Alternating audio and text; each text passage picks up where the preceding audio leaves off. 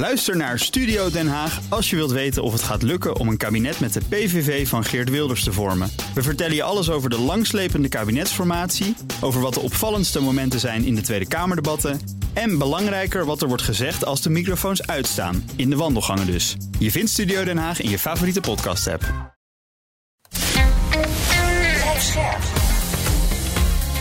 BNR Nieuwsradio.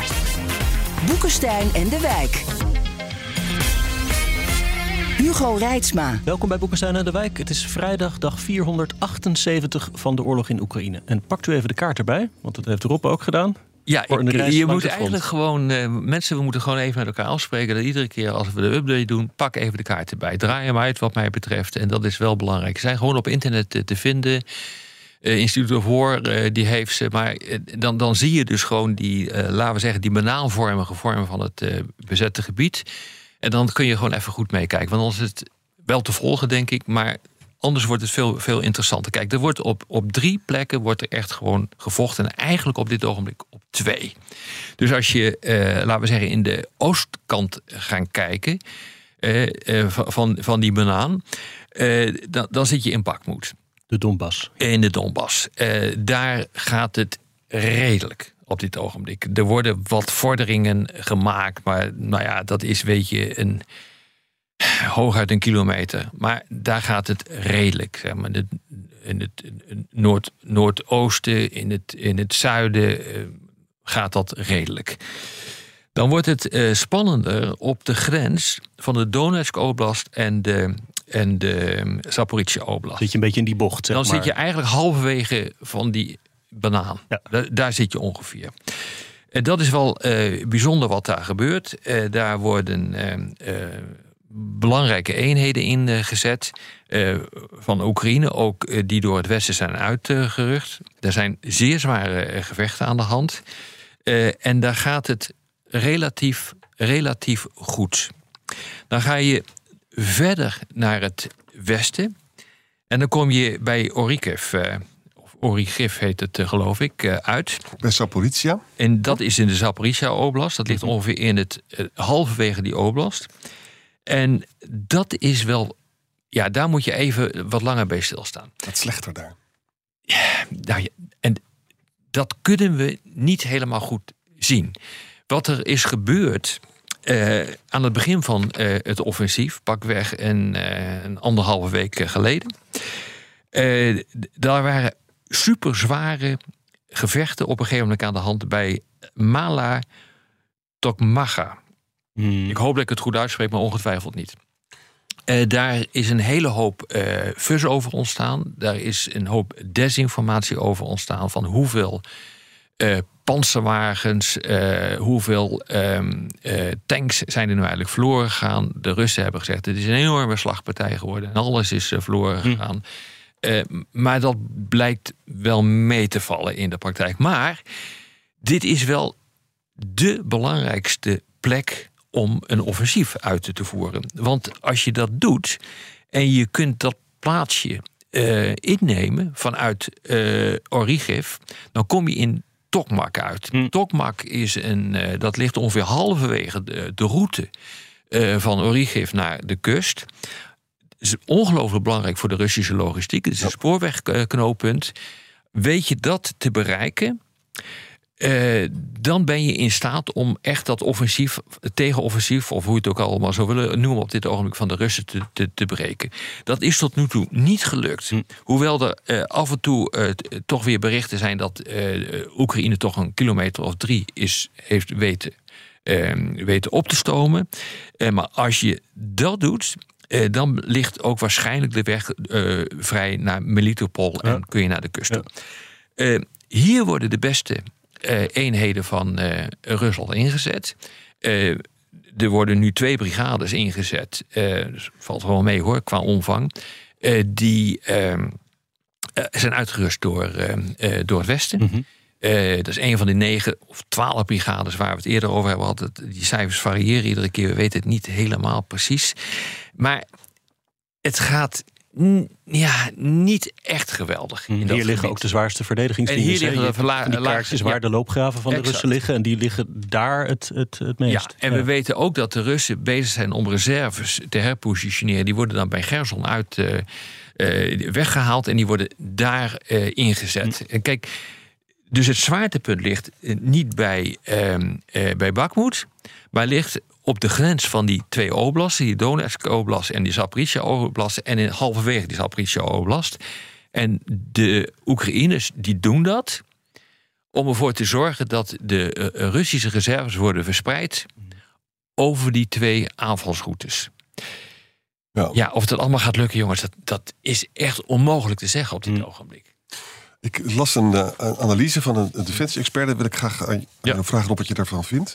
Wat de Russen proberen te doen is zoveel mogelijk slachtoffers te maken. In dat, kijk, de, de, de Mhm. Oekraïners verlaten dus hun eh, eh, loopgraven. Zijn dus niet meer beschermd. Hebben Mhm. ook geen luchtsteun meer. En dan moeten ze dus lopen. Ja. Nou, wat, wat de Russen proberen, is ze proberen zoveel mogelijk Oekraïners te doden voordat ze aankomen Ja. bij die defensielinie. En ze hopen ook dat mochten ze er op een gegeven moment toch doorheen breken, dat er dan te weinig Oekraïners zijn om er dan doorheen te gaan. Dit is echt helemaal verder in 2016 overigens. Hè? 19 En- is ja, 1916. Ja, ja, sorry. En, en, en wat, eh, ja, of dat allemaal gaat lukken, dat weet ik niet. Dat kan je pas over twee maanden zeggen. Maar het is, ik ben bang dat er op dit moment behoorlijke grote Oekraïnse verliezen zijn. Ja, en dat is echt wel een probleem. Die is, eh, het is inderdaad attritie. Wat, Ja, eh, de, wat de, eh, de Russen doen. Attritie betekent gewoon zoveel mogelijk slopen. Eh, dat hebben ze in Da- Bakmo- Bakhmut gedaan, ook met de eh, Oekraïnse troepen, maar ook met eh, de gebouwen die daar staan. Ze beginnen gewoon op de bovenste verdieping en dan schieten ze net zo lang tot ze op, op de grond zijn uitgekomen. Hè, de, wat de Amerikanen zeggen van, dan zijn ze bezig om er een parkeerplaats van te maken. Daar, daar komt het feitelijk op neer. Dat zie je dus nu ook aan de frontlinie. Dus wat er gebeurt is, die Oekraïners die moeten uit hun, precies wat je zegt aan Jan, die moeten uit hun loopgraven komen. Maar daarmee komen ze ook buiten het bereik van eh, luchtverdediging. En daarmee komen ze ook steeds meer eh, buiten het gebruik van hun eigen elektronische oorlogsvoeringscapaciteiten. Waardoor, kwetsbaar. ook, ja, waardoor ze kwetsbaar worden. En waardoor ze bijvoorbeeld hun radio's niet meer goed kunnen gebruiken of hun GPS'en. En die, eh, het, het grote punt zit hem op dit ogenblik in dat ehm, de Oekraïners nu zelf ook zeggen dat die, eh, de capaciteiten voor elektronische oorlogsvoering van eh, Rusland die zijn echt buitengewoon goed. Dus daarmee kun je jammen. Daarmee kun je je com- communicatie ontregelen. Je kunt je satellietinformatie kun je ontregelen. Je, eigenlijk word je, eh, je- word je doofstom als je dat eh, heel erg goed doet. De Oekraïners doen dat natuurlijk ook, maar de, eh, de, de, de, de Oekraïners zeggen zelf nu dat de Russen hier echt heel erg beter in, eh, be- beter in zijn. En ze hebben ook veel betere eh, luchtverdedigingsmiddelen in dat eh, gebied. Dus ze, ze, hebben veel meer vrij spel. En ze hebben meer artillerie. Dus wat je probeert te doen dan, is je gaat door de eerste linies heen van de Russen. Je wordt, eh, dan moet je dus door de, de, de mijnenvelden.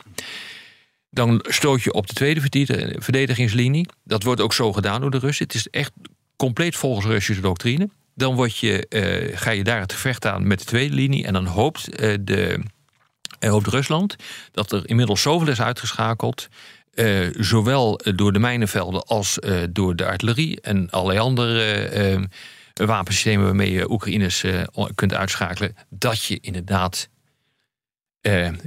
de Oekraïners terug kunt duwen. Ja. Nou, dat is het spel wat, eh, wat gespeeld, wordt, gespeeld wordt. En daarvan zegt Oekraïne op dit ogenblik ook nou. Ze doen het competent, de Russen. Hmm. Ja, we hebben vaak hebben het eh, gehad over de chaos eh, bij de Russen. Maar dit is niet chaotisch. Dit wordt goed gedaan. En dat geeft te denken. Het geeft zeker te denken, want er zijn van die hele kleine berichtjes in de New York Times... dat ze dan bij die eerste dorps die ze gepakt hebben... dat ze daar met name ook eh, eh, ex-Russische gevangenen zouden aantreffen. Dus het lijkt er een beetje op dat ze in die helemaal aan vooraan... niet de allerbeste troep hebben, maar daarachter wel. Hè. Maar het is absoluut zo, tot nu toe doen de Russen het gewoon heel goed. Ja, je wint de oorlog eh, met je reserves. Ja. Dus niet met je fronttroepen. En dat is het hele punt. En dat, ja, dat hangt er gewoon vanaf eh, wie ook de meeste reserves heeft. Ja, en dat is nog onzichtbaar eigenlijk. Ja, dat is onzichtbaar. We hebben eh, ja, deze week hebben we het er ook over gehad van. eh, hoe zit het nou met de mobilisatiecapaciteit van Oekraïne? Het aantal mensen dat je kunt oproepen, hoeft op dit ogenblik niet het probleem te zijn. Maar het probleem zit hem wel in de wapensystemen, met name de munitie die je, Ja. die je hebt. Hè, maar nogmaals, ze hebben wel geprobeerd om zoveel mogelijk munitie de afgelopen maanden uit te sparen om dat nu te kunnen inzetten. Ja. Dus opraken van de munitie. Mensen denken iedere keer als je dat zegt, de munitie raakt op, dat, het gewoon, dat ze morgen niks meer hebben. Dat is niet zo. Eh, opraken van de munitie betekent dat je gewoon minder inzet Ja, ja, ja. om dat eh, later wel weer te kunnen inzetten. In de hoop ook dat eh, de aanvoer en eh, misschien ook wel door middel van het oppeppen van je industriële capaciteit zo groot wordt. Dat je dat weer kan gaan compenseren. Het is, Mhm. zijn, Ja. ja. Ja. Het, het is een beetje dat spel wat eh, gespeeld wordt. Het is wel ontzettend moeilijk te beoordelen, vind ik op dit moment. Het is ook We- niet te doen. Dit, dit praat je nu al anderhalf jaar, maar ik heb zelden zo gehad dat ik. Ja, maar nu, is het, nu nou? is het menens. Ja. En eh, kijk, weet je, je- wij moeten duiden met 20, 30 procent van de informatie die je zou willen hebben. Hm. Dus eh, je kunt, eh, er zijn absoluut eh, sites waar je heel goed kunt zien wat de order of battle is. Dus de slagorde. Waarbij je tot op eh, naam en rugnummer, laten we zeggen, kunt weten welke eenheid waar, eenheid waar zit. Dat kun je goed zien. Je kunt ook zien waar de concentraties zitten. Maar hoe het echt gewoon op een slagveld eraan toe gaat en wat daar gebeurt, dat is gefragmenteerd. Kijk, er is natuurlijk ook gewoon een hele hoop. ehm, ja, hoe zal ik het zeggen? Er is ook een hele hoop oorlogspropaganda. Ook aan de Oekraïnse kant. Hè. Ik Mm. zag even van de generale staf.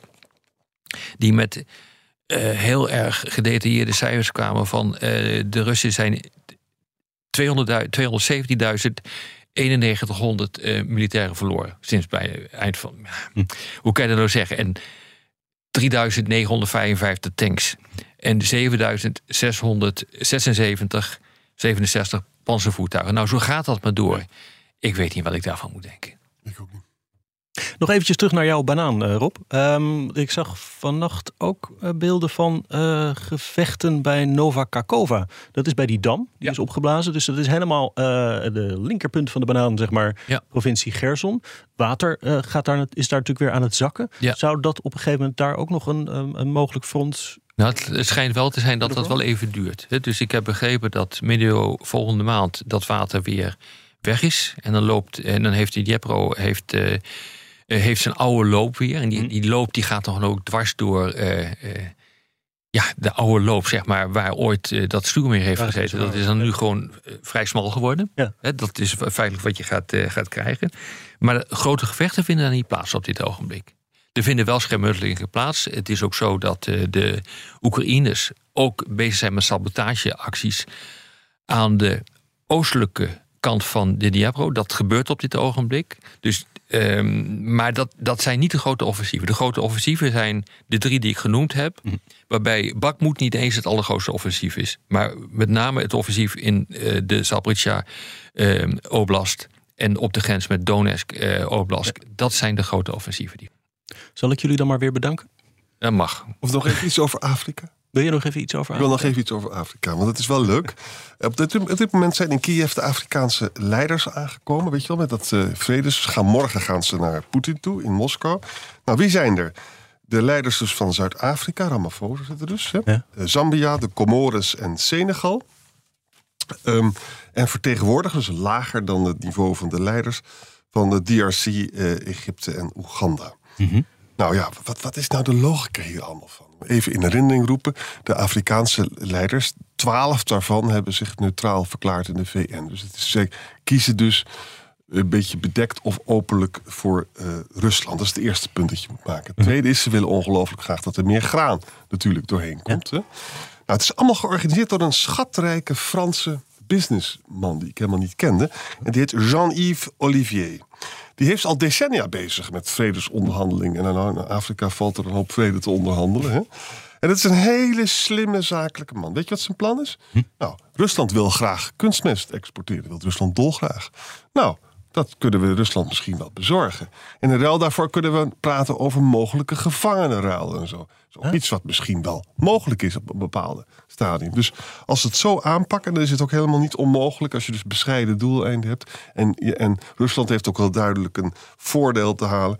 dat dat zo, kan, dat dat zo kunnen gaan lukken. Het probleem is alleen wel dat die Olivier heeft zelf hele nauwe bonden met de Congolese president. Denis Sassou Nguesso. En dat is natuurlijk ook misschien niet de meest integere man die er op deze aardkloot rondloopt. Mogelijk. Dus dat, maar goed, dat geeft in internationale betrekking niet altijd.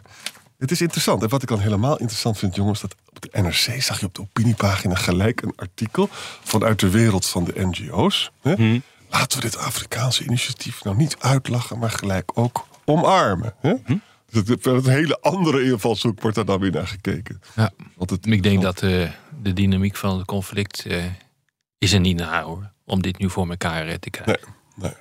Maar En- misschien volgend jaar. Maar ja, uiteindelijk wel. Maar ja, nee, nu, nu niet. Nee, dat denk ik ook. Interessant. Dankjewel. Tot morgen. Tot morgen. Ook Hugo Reitsma vind je in de BNR-app. Superhandig die BNR-app. Je kunt alle programma's live luisteren, breaking nieuwsmeldingen. Je blijft op de hoogte van het laatste zakelijke nieuws. En je vindt er alle BNR-podcasts, waaronder natuurlijk de belangrijkste, Boekenstein en de Wijk. Download nu de gratis BNR-app en blijf scherp.